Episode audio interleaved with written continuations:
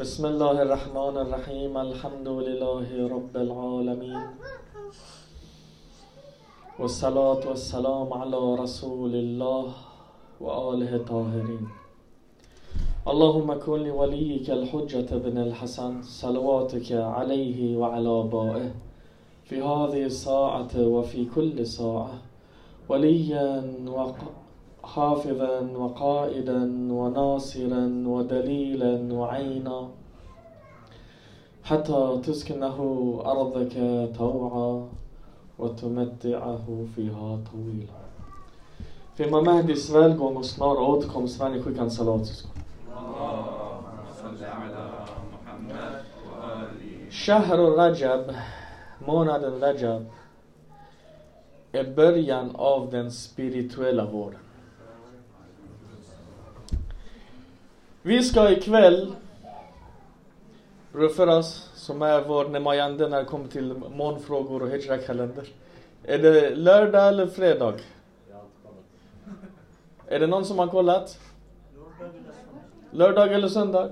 Okej, vi har ett spann mellan fredag till söndag. Så alhamdulillah, vi ligger rätt i tiden. Men att prata om, vad vi vill prata om idag. Vi vill prata en punkt om månaden Rajab. Och vad vårt huvudfokus ska vara under denna månaden. Och därefter ska vi prata om en punkt om Imam Bakr Ali salam. Vars födelse öppnar månaden Rajab, första Rajab. Och så ska vi avsluta om tiden tillåter och det finns Om det finns Vad ska vi kalla det? Om det finns möjlighet i den här majlisen men erfarenhet punkt i slutet. Och sen vi ska fortsätta prata om fikr. Vad gäller månaden Rajab så är den som grundskolan. Och månaden Sha'ban är som gymnasiet och månaden Ramadan är som universitetet. Hafez säger من به تو نگفتم که سراسر سال باد نوشی کن و می پرست باش بلکه می گویم سه ماه شراب بنوش و نه ماه پرهیزکاری کن و عابد باش Han säger Jag säger inte, jag sa inte till dig att dricka året runt och vara en dyrkare. Snarare säger jag till dig att dricka vin i tre månader och ha av, avhållsamhet i nio månader och vara en dyrkare. Vad vill han säga? Han vill säga i de här tre månaderna, Rajab och Sha'ban och Shah Ramadan, är dörren till Guds gudomliga vin öppen. Den spirituella berusningen och vägen till spirituell närhet är öppen under dessa tre månader. Efterkommande nio månader är alla dörrar stängda. Då får du vara bakfull och nykter. Yani allting som finns, finns i de här tre. Rajab betyder, alltså ordet betyder storhet, mäktighet. Och redan innan Islam så var det en månad som var en mäktig, stor månad. Eh, araber förbjöd krig i den, den ansågs vara en helig månad. Profeten kallar den för, vilken månad? Vems månad är det? Shahro Allah. Guds månad. Kanske för att den är full av walaya. Om ni tittar från första dagen öppnas med Imam Bakrs födelsedag. Sen vi har flera födelsedagar. Vi har Imam Hadi Shahada, Imam Jawads födelsedag. Sen vi kulminerar i Imam Alis födelsedag. Som inshallah vi ska fira här. Och en fin, fin födelsedag. Och ni ska se mig som programledare när jag skriker med vi ska ha olika lekar och spel och Sen det blir en shahada till och sen det kommer profetens be'tha. Profetskap, där 27.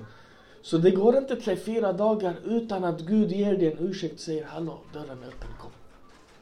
Den andas nur och walaya.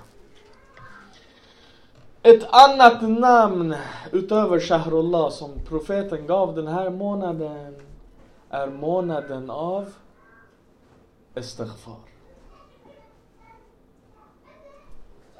Månaden av istighfar. Månaden då man ska söka Guds ghufran. Vad är istighfar för någonting? Vilket namn åkallar vi när vi namn, gör istighfar? Vilket namn är det? Al-Ghafur. Istighfar, Ghafur.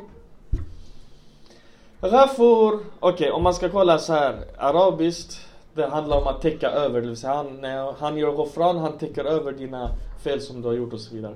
Men om man tittar på meningen och uppdraget som det här gudomliga namnet har, hur den fungerar, hur den opererar, skulle man kunna kalla den det är ett namn som tar bort hinder. Hur då? Det här namnet är ett mycket, mycket mäktigt namn. Den är mycket stark. Oftast gudomliga namn när de kommer, de kommer i par. Till exempel Hayy al-Qayyum. Av de 91 gånger ungefär som namnet Ghafur nämns i den heliga Koranen. Runt 60-62 gånger kommer den tillsammans med Ghafurun Rahim. Vad är Rahim för något? Det är Guds speciella nåd. Eller om jag ska göra den på enkelt språk. Det är Guds spirituella nåd. Om Rahman handlar om allt det yttre och kroppsliga, som till exempel regnet, det kommer, blommorna blomstrar, frukten för bär, djuren dricker och äter och så vidare. Allt det här som är jasmani. Det som är spirituellt och rahani blir rahim. Därför mu'minin har mer nytta av den för att de är öppna för det spirituella. Medan de som inte är troende stänger dörren för det spirituella så de kommer inte i lika mycket kontakt med det här namnet. Men om du tar, säg nu regnet kommer, den här Guds rahma kommer. På ett fält som är helt hårt. Kommer det här regnet att tränga ner i den här marken? Nej. Den kommer rinna iväg. Vad behöver göras? Du måste hämta en traktor som kommer och plöjer upp jorden. Vänder upp och ner, drar med sin sån här, de här vassa som den har. Plöjer upp jorden så den öppnas. Och sen när regnet kommer så sjunker den in i insidan av den här jorden och når alla frön och, och, och det börjar växa och så vidare. Den här traktorn är Al-Ghafur. Det är det den gör. Ett annat exempel. Vi pratar om att Guds rahma kommer till vår kropp till exempel. Vi äter, vi dricker, vi har intimitet med vår, vår, vår partner. Men dessa rahma, eller Från Hayat och Dunya, dessa är de som är rahma. Men om du blir sjuk, eller du får lunginflammation, förkylning, någonting sånt där. Samma de här, äta och dricka och träna och de blir jobbiga, de blir zahma, eller hur? Om, de, om till exempel din, din eh, familjemedlem kommer och säger jag har grillat kött och du har magsjuka, kommer du gilla det här köttet? Du kommer inte vilja ha den överhuvudtaget. Du kan inte dra nytta av den här rahman. Så vad behöver du? Bror Amir, vad behöver du? En doktor. Du behöver medicin. Du går till Bror Amir eller syster Nadja. Våra läkare på plats. Finns det fler läkare förresten? Du kommer dit, de ger dig en medicin. Och du blir frisk. Det här medicinen är vad? Det är namnet Al-Ghafur. I Dunja i tablettform. Yani du äter den, den tar bort hindret i dig som är där bakterien eller viruset som du har fått. För att du ska kunna dra nytta av Guds rahmat. Guds rahmania. På samma sätt syskon. Nu jag pratar om ytliga exempel. Al-Ghafurs huvudområde är på insidan i baten. Hela Dua Kumail i början, Allahumma aghfir dhunub allati tunzil al-bala, Allahumma aghfir dhunub allati Allahumma aghfir. Ja Ghafur, ja Ghafur. Ta bort de hinder som beslöjar min dua. Ja Ghafur, ta bort de hinder som skickar ner bala och problem. Ja Ghafur, ta bort de hinder som jag har skapat till mig Rafurs eh, funktion är på insidan. På insidan. Så när Guds Rahimia kommer och ska regna över mig, om mitt hjärta är hårt, det kommer inte komma in. Eller hur? Namnet Al-Ghafur är som den här traktorn, den öppnar ditt hjärta så Guds nåd kommer in. Eller, du är sjuk av synd. Din själ är sjuk av synder. Medicinen är den här Al-Ghafur. Som tar bort den här medicinen så du kan njuta av den spirituella maten. Den spirituella närheten. Den spirituella eh, drickan som du får och så vidare. Al-Ghafur har den här eh, funktionen. Den är stark. För att du ska nå den är svårt. Det är ett av de namn som är svåra att uppnå. Vad behöver du göra för att nå namnet Al-Ghafur? Ska du ta tasbihan och säga Astaghfirullah, astaghfirullah, astaghfirullah. Har du nått namnet Ghafur då? I en väldigt, väldigt, väldigt begränsad ytlig nivå. Den här Dua Kumail som vi läser, vet ni Imam Ali läste den? Imam Ali i hans halat berättas att han gick i sujud gråtandes och läste den här duan. Alltså från hjärtat. För att uppnå al-ghafur, det krävs khalwa. Ensamhet, tid för dig själv. Med tårar, med bönfallande, med ånger. Att verkligen vilja ha den här av Gud. När de här tårarna faller etableras en kontakt mellan din själ och det här namnet. Det här Ghofran uppstår. Det här hindren som du har på dig själv avlägsnas och du kommer fram till Guds Rahimiyah. Så det är inte som till exempel Elm. Jag tar den här boken, jag sitter, jag läser, jag får lite kunskap. Nej. Den här är inte bara att du sitter och repeterar någonting. Du måste gå in i dig själv och du måste mena det. Och du måste verkligen krossa de här som du har. Och det är då du kommer i kontakt med namnet Ghafur. Och Ghafur tar bort hindren. Varför pratar jag om namnet Al-Ghafur? För att månaden Rajab är månaden av Estagfar. Det finns mycket man kan göra med Rajab, men den som vår fokus bör vara på och som betonas mycket när man kollar mellan raderna är Estagfar. Exempelvis, en av amal som man kan göra är att 70 gånger på morgonen, 70 gånger på kvällen man gör Estagfar. Och gör en liten dua, det finns en mafatin ni kan titta på. Men den här istighfaren, varför de här tidpunkterna på morgonen och kvällen? Var är du på morgonen och kvällen? För dig själv. Du är inte i jobbet. Du är inte bland folk. Du är för dig själv. Yani din khalwa. När de säger 70 gånger, ja du ska göra 70 Men den här istighfaren ska inte bara vara att kunna gjort 70 gånger. Nej, det ska vara med innerlig ånger, med innerlig att du ska mena det. Gör det här morgon och kväll. Och sen gör den här dagen Allah akhfir och tubali. Det kommer resultat. För den kommer följa med under dagen. En annan sak som är, som är rekommenderad under månaden Rajab, vad är det för någonting? Fasta. Vad händer när du fastar? Skillnaden mellan fasta och alla andra amal är att den är den enda amalen och dyrkan som vi har som inte syns. Jag kan inte se bland er nu om det finns någon som fastar. Det går inte att se. Det är det som är så vackert med det. Yani du har skapat en haram, en helgedom mellan dig och Gud där du är ensam i det här. Att han vet att du fastar och ingen annan vet om det här.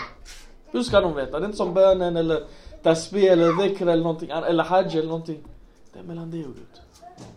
Så på det här sättet, fastan Därför hadismen säger en dag om du kan, tre dagar om du kan. Det är väldigt rekommenderat. Om du kan hela månaden, gör dua för oss också. Dessa två har en stark påverkan på din spirituella utveckling. Sjukan salat. Alltså. Det var första punkten. Andra punkten är att månaden Rajab inleds med Imam Baqirs Imam Muhammad ibn Ali Bakr Ali salams födelsedag. Den här imamen är en imam. Från sin fars sida, via imam Sajjad, han är kopplad till imam Hussein.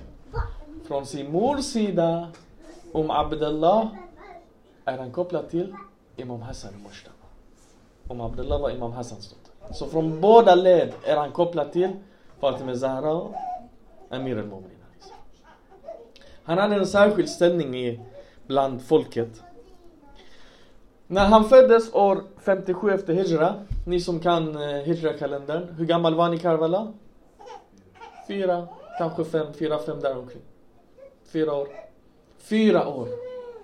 Så han var en imam, närvarande, bevittnande av det som hände i Karbala, hans förfader, hans farfar. Han nådde imamat vid år 95 efter Hijra, där han är ungefär 38 år gammal. I den här tiden så är Bani Umayya försvagade och samhället är i politiskt kaos. Under hans 18-åriga imamat något i den här stilen, det är fem kalifer som avbyter, alltså byter mellan varandra hela tiden. Så det är mycket kaos, mycket saker som händer. Och Hokuma har inte riktigt koll på samhället. Så det bildas olika grupperingar. Det bildas olika skolor. Folk säger saker och ting, sprider olika läror. Och det är den här tiden som Imam Sadiq kommer till. Han kommer Ali salam. Till exempel i den här tiden Khawarij var en av de grupperingar som fanns. Shia som hade varit i Taqiyya på grund av grova förföljelser från Bani Umayya hade inte så mycket, det fanns inte Shia som en skola.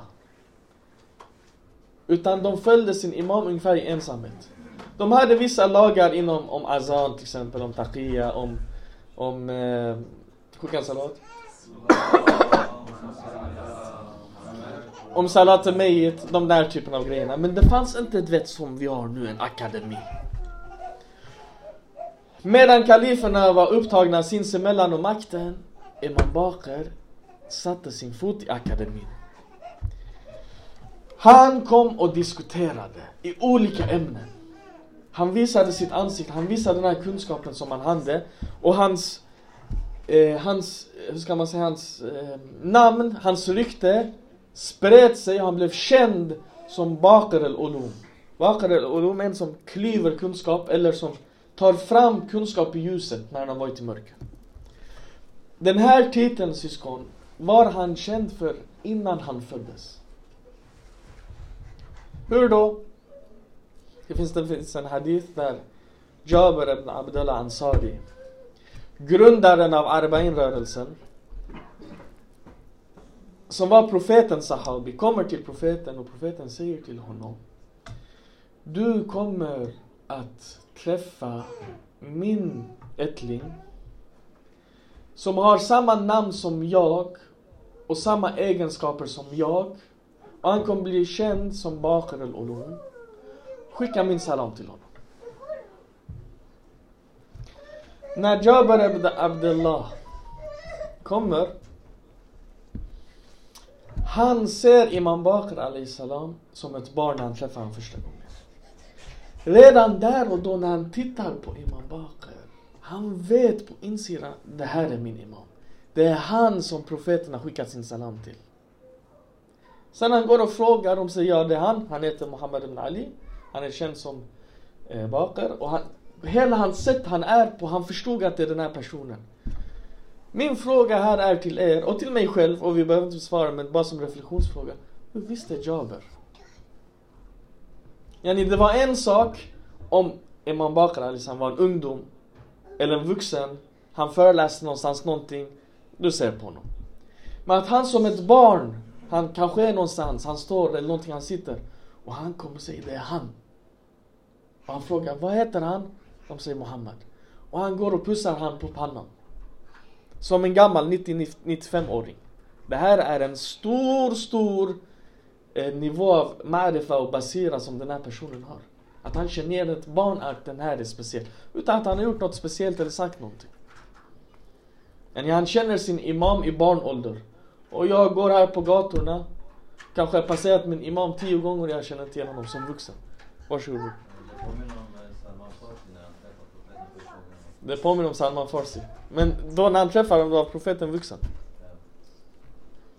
Här du har ett barn.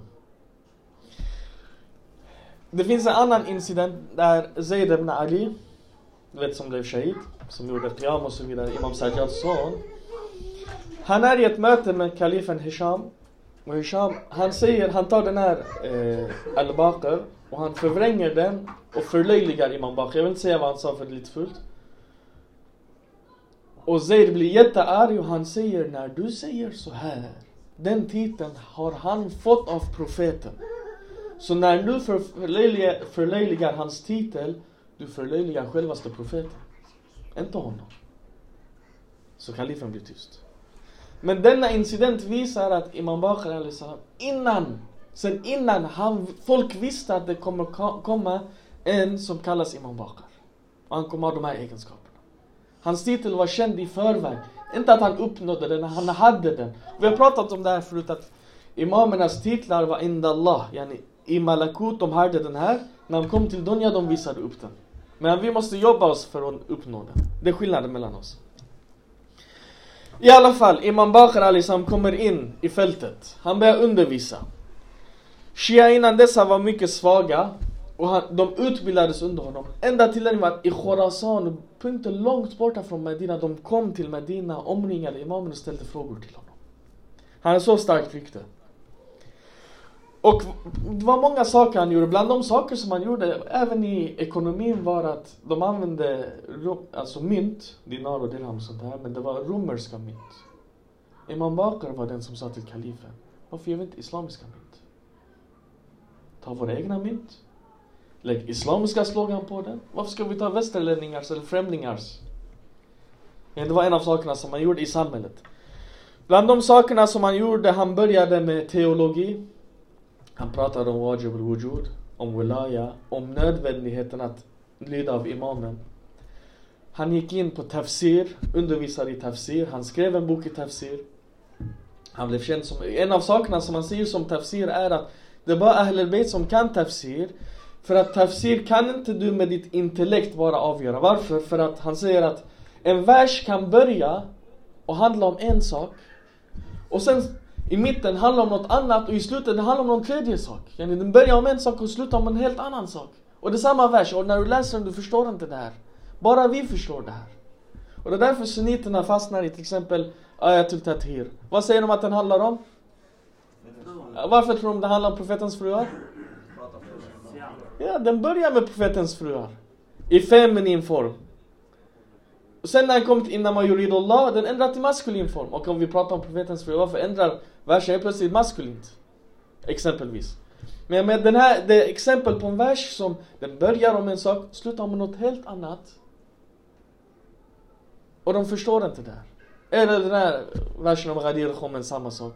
De säger, ja, men det handlar om någonting helt annat och sen en vers handlar om själva Ghadir-händelsen. Ja men så är, så är den uppbyggd. Därför Ahlul Bayt behövs. En sak som Imam Bakr Ali salam, som berör oss mycket, är att han gav en särskild uppmärksamhet på hadiser. För innan det fanns, Shia berättade inte så mycket hadither. Många av de lärda gömde sina hadither. För att de inte skulle brännas upp. Bland de personer som kom till honom var en person eh, som heter Jaber ibn Yazid al-Jofi. Den här sahabin är mycket, mycket speciell sahabi.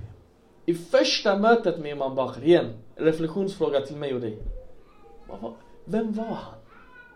Att i första mötet med Imam Bakr salam, Imam Bakr ger han två böcker och säger till dem Håll de här hemliga till efter Bani Umayya har störtats. Sen du kan annonsera. I det första mötet, han blir kallad en som känner till Ahl al-Baits hemligheter. Bland de hadither som han återberättat är hadither som har med Asrar att göra. Den här Abdullah ibn, äh, Jabir ibn Yazid Jofi, han har återberättat 70 000 hadither från Imam Bakr. 70 000. Till den nivån att han är högt respekterad av både shia och sunnilärda. Sunniter som exempelvis Tirmidhi, som har sin en av de här hadithböckerna. Tirmidhi säger om honom att om det inte vore för den här eh, Jabir ibn, eh, Abdullah, eh, Jabir ibn Yazid al-Jofi, om det inte vore för honom så skulle Kufa vara utan kunskapen om hadither. Är det ett erkännande? Utan honom, Derayatul Hadith som det kallas, skulle inte finnas i Kufa. Nu, den här Imam Bakr Ali salam, om hadither. Vill du veta din nivå, syster? Vill du veta den? Bror, vill du veta din nivå? Din nivå, din maqam, vad den är för någonting? Vill ni veta? Idag syskon, jag vet inte. Vi har koll på vad saker och ting kostar. Om du ska köpa en bil. Vissa bröder mashallah är så duktiga på bilar. Alla tekniska specifikationer, kostnader, priser. Vissa är duktiga, jag säger inte det systrar, det finns bröder också, mycket duktiga på kläder. Här är rean, den kostar si, den kostar... Vissa är duktiga på mat. De kan allting om olika priser. Men en viktig fråga är syskon. Vad är ditt pris? Kan du prissätta dig själv? Yani vad är du värd? Du vet vad ett kilo tomater kostar på Rosengård. Men vad kostar du? Vad är du värd i Malakut? Yani nu när änglarna och Gud sitter och gör muamalat och sitter och går igenom allting, änglarna sinsemellan. Vad har de lagt för pris på ditt huvud? Eller på ditt hjärta, bättre ord att säga. Är du på extrapris? Är du halva rea? Och sen det 30% på den lappen som finns? Eller är du en som det finns, det är limited edition? Det är limited edition. Nu jag köpte en gi till min son från deras klubb. Som hade en som var guld. Så han ville ha den som var guld men han tog en, den vita för byxorna passar bättre i alla fall. Så jag sa till, till huvudinstruktören. Jag sa men den här gulliga var jättesnygg. Kommer ni göra fler? Han bara nej. Det är den första och enda, det är jubileum. Jag bara, för de hade 10 års jubileum, de tryckte den här. Jag bara men 15 han bara nej jag kommer aldrig mer trycka den här. Det finns bara, det är bara den här. Det är typ, den här edition finns ingen annan som den. Är du en sån? Limited jubileums edition. Vad har du för pris? Är inte det här en fråga vi ska veta? Hamnar inte den här under men arafa nafsa farad arafa rabba? Den som känner sig själv. Känner du dig själv? Vi är duktiga på att sätta priser, inte bara på tomater och gurkor, men på andra människor. Ah, den här personen, ah, riktig skitstövel. Den här personen är en åsna. Den här personen är en apa. Den här personen... Ah, du själv då? Vad har du för pris i Malakut? Vad har du för smeknamn i Malakut? Vad kallar de dig? Okej, okay, Imam Bakr var Al-Bakr där uppe. Bakr al-Ulum. Vad har du? Vad har jag för smeknamn? Kallas jag för Said eller Shaqi? Valem eller Nur? Vad har jag för smeknamn där uppe? Vill ni inte ta reda på de här frågorna? Det är dessa frågor jag ska ställa mig själv. Nu en hint i den här frågan om man ska fastställa någon form av riktlinjer för sitt pris. Jag hittade den här hadisen. Imam Bakr Ali salam säger så här, vi tar bara från Imam Bakr. Han säger Lär känna nivåerna av våra shia genom antalet hadither från Ahl al-Bayt som de återger och deras kunskaper om dem. Det är genom förståelsen av hadither som mu'minun når de högsta nivåerna. Hur många hadither kan jag? Okej. Okay. En nivå är att kunna den. Jag ska kunna börja med salt, sluta med salt. Sök kunskap även om det är Kina. Bara kunna den. Nu är jag inte ute efter ordagrant, men ungefär meningen. Men nivå två är, hur mycket förstår jag av hadisen? Nivå tre är, hur många lager av hadisen förstår jag? När profeten säger, okej, okay, sök kunskap även om det är Kina. Okej. Okay. En bokstavlig att jag ska ta tåg och, eller åka var som helst i världen för att söka kunskap. Det är ett lager, men finns det inte fler lager på den hadisen? Var är Kina på insidan till exempel? Vad symboliserar Kina? Kan han prata om den spirituella till exempel? För Kina var känt för det spirituella, för det fanns sedan länge från Buddhas tid och så vidare. Till exempel, nu jag bara säger. Det finns många lager, 70, 700, 7000, 70 000 lager. Hur många kan jag? Alla dessa fastställer min nivå enligt Imam Bakar. Enligt Imam det för mig till den sista punkten. Ska vi gå till den sista punkten? Den som vi kallar det för vägen till hemlig kunskap. Hur ska jag nå hemlig kunskap? Allt det här vi pratar om Imam Bakar, som att han kom in i fälten, han pratade om akademin, alla de här sakerna han gjorde. Det finns mycket, ni, ni kan läsa under hans dag inshallah. Detta berör den historiska imamen. Den historiska Imam Bakr. Och detta är den första kännedomen som vi måste ha. Han föddes i Medina, hans pappa var den, hans mamma var den. Men det är inte allt. Ta från mig som en aidi, för detta finns inte i någon bok. Men ta den som min personliga insikt eller teori och jobba med den. Ni behöver inte hålla med om den eller, eller någonting sånt där. Men ta den som en aidi inför Imam Bakrs födelsedag. Att en punkt om den spirituella aspekten av imamen. Som vi måste ha med oss. Vad betyder det att Imam Bakr Ali salam är Bakr al-Ulum? Att han är klyvaren av kunskapen, han är insidan av kunskapen. Vad betyder det här syskon? Det betyder i en mening att han är sahib och ägaren av all elm i hela skapelsen. Det betyder att han är portalen till kunskap. Det betyder att varje gång jag läser någonting eller hör någonting, lär mig någonting i den stunden är jag i kontakt med Imamens Norania och det är den Noranian som förvandlar detta mörker till ljus eller detta ovetande till vetande. Denna ignorans till kunskap. Det är Imamens Nur som gör den förvandlingen. Och när jag, kommer, när jag läser till exempel, det är han jag är i kontakt med, vare sig jag vet om det eller inte. Vad är problemet? Problemet är att vi har fastnat i kunskapen i skalet av saker och ting. Utsidan av saker och ting. Till exempel, vi kanske kommer fram till mycket ansträngningar hur man botar cancer. Inshallah, våra läkare botar cancer. Men om vi botar cancer, vad har vi bot botat för någonting? Kroppen. Kroppen är fortfarande yttre lagret. Tänk om man hittade vad det är som orsakade cancer på insidan. Vad det är i mig som behöver botas och läkas. Detta är en helt annan nivå.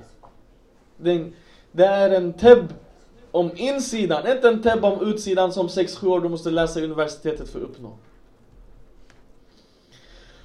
Varför når vi inte den här kunskapen syskon? För vi har olika sorters najasa. Vi har pratat om det en gång förut, kommer ni ihåg? Vi har pratat om att, till exempel, kroppens najasa. Om du har wudu och kommer i kontakt med heliga skrifter och namn, du syndar, eller hur? Men om samma bok har smuts på sig, kan du få kunskapen? Nej, du ser inte den, eller hur? Najasa på kropp, kropplig, kroppsliga lagret fungerar som det. Sen du har najasa i din khial, eller din wahm, alltså din fantasi eller föreställningsförmåga. Vad är det här för någonting? Du får kunskapen, du lär dig. Men sen du fantiserar jättemånga konstiga, korrupta saker som du kan göra med den här kunskapen. Har någon av er sett filmen Oppenheimer? Ingen som har sett? Jag såg den för några, under julledigheterna. I den här, den handlar om vårt, eller den tidens, var 60-70-talets, världens främsta fysiker i atomfysik som studerar och kämpar i flera år med mycket, alltså miljoner i insats för att komma på atombomber. Är inte det här Najasa i Khialo va?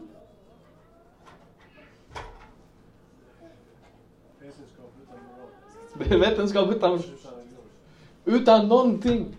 Och kolla, vi kommer till en annan nivå av Najasa. En Najasa ovanför den. Vill du säga något mer bror? En nivå ovanför den är najasa av akl. Najasa av akl, yani du har najasa i din akl som gör att du tänker fel, du drar fler slutsatser. Till exempel i filmen visar de det här jättebra. Hur rättfärdigar de den här atombomben? Vad säger de? De säger jo, om vi inte släpper atombomben så kommer kriget att fortsätta och många fler kommer att dö. Så det är bättre vi släpper atombomben för att markera hur starka vi är, så japanerna ger upp. Inte det akal? Yani de sitter och diskuterar argument för och emot. Akal. Och detta är den tidens främsta, främsta kärnfysiker. Som om jag sitter med han i ett rum, om han ska prata, bara säga Bismillah Rahman Rahim i fysik, jag kommer inte förstå vad han säger. Det är så hög nivå av kunskap. Men de drar en sån här grundläggande misstag. Najasa akal. Det här är problemet syskon. Alla Matabatabay säger ju det här. Om du har en skål eller tank, en bägare. Om det är en droppe av urin eller najasa i den här. Okej? Okay? Hur mycket vatten du än fyller den här med, den kommer vara najas. Kommer du dricka den? Du kommer inte dricka den. Hur kan du då, om på insidan i din khial, din fantasi, din, din akel, din, dina kropp, om det finns punkter av najasa, hur kan du fylla den med kunskap? Resultatet blir det här. Resultatet blir det här. Så hur ska du nå baten av kunskap? Hur ska du nå hemligheten? Vad är den hemliga vägen? Eller vägen till den hemliga kunskapen? Insidan. Vad är vägen? Det finns bara en väg. Den vägen är vägen av Islah nafs. Om du renar dig själv med fullständig rengöring, dina kroppsdelar, din fantasi, dina tankar, dina föreställningsförmågor, ditt intellekt. Om du renar alla de här lagren och fortsätter att söka kunskapen. Du kommer nå en punkt i din resa där du kommer i kontakt, inte med imamens Norania och strålar, du kommer i kontakt med själva imamen. Och i den här punkten är det imamen som undervisar dig, lär dig och ger dig saker som du inte visste om och som inte finns i böcker. Vill ni ha hadisen?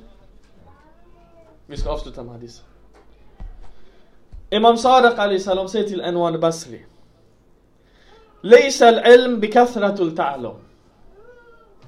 Ilm, kunskap, är inte i mycket studier. Snarare, innama, det är ett ljus, en nur som Gud placerar i hjärtat på den som han vill vägleda. Så om du vill ha elm, sök atlub, alltså talab, och törst och sök den först i haqiqatul ubudiyya. I sanningen av tjänarskap.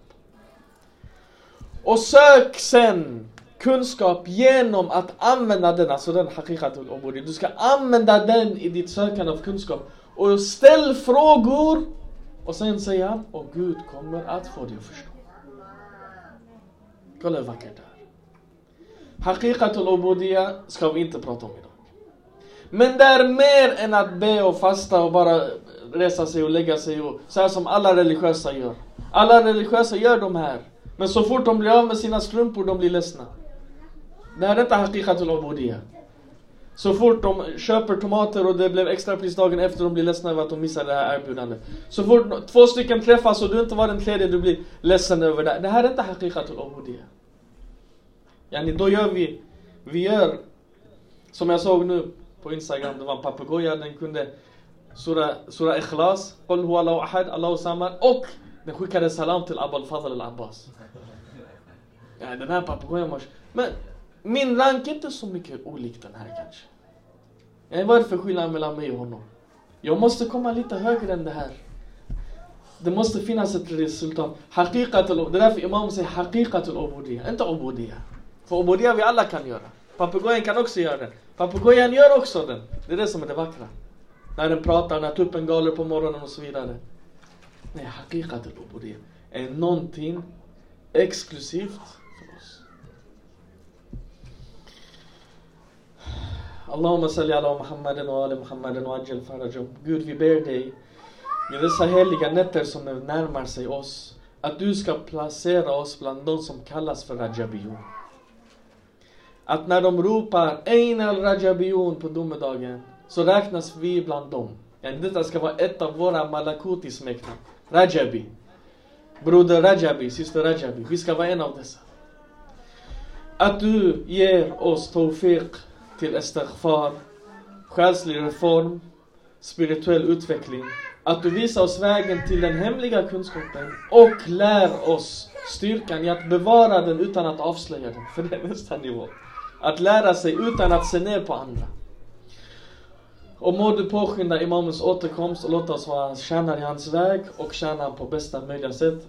Walhamdulillahi rabbil alamin. Wassalamu alaikum wa rahmatullahi wa barakatuh.